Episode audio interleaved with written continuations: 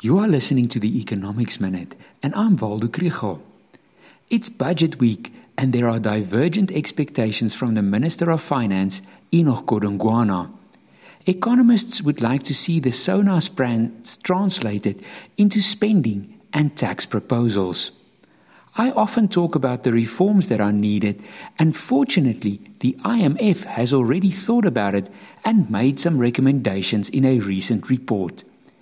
They write that rapid and comprehensive reforms in all areas are needed to improve the business environment and reduce input costs.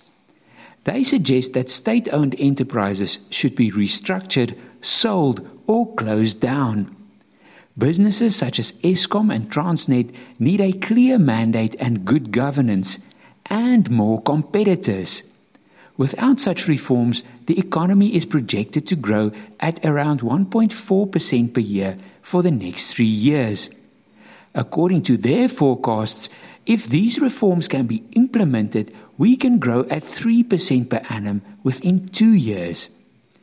Unfortunately, we have the typical contradictions that characterize South Africa.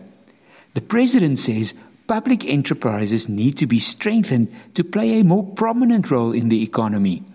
For example, Eskom hopes to get a large part of the financing that developed countries promised in Glasgow for the country's so called green transition and to use that to develop the generation of renewable energy.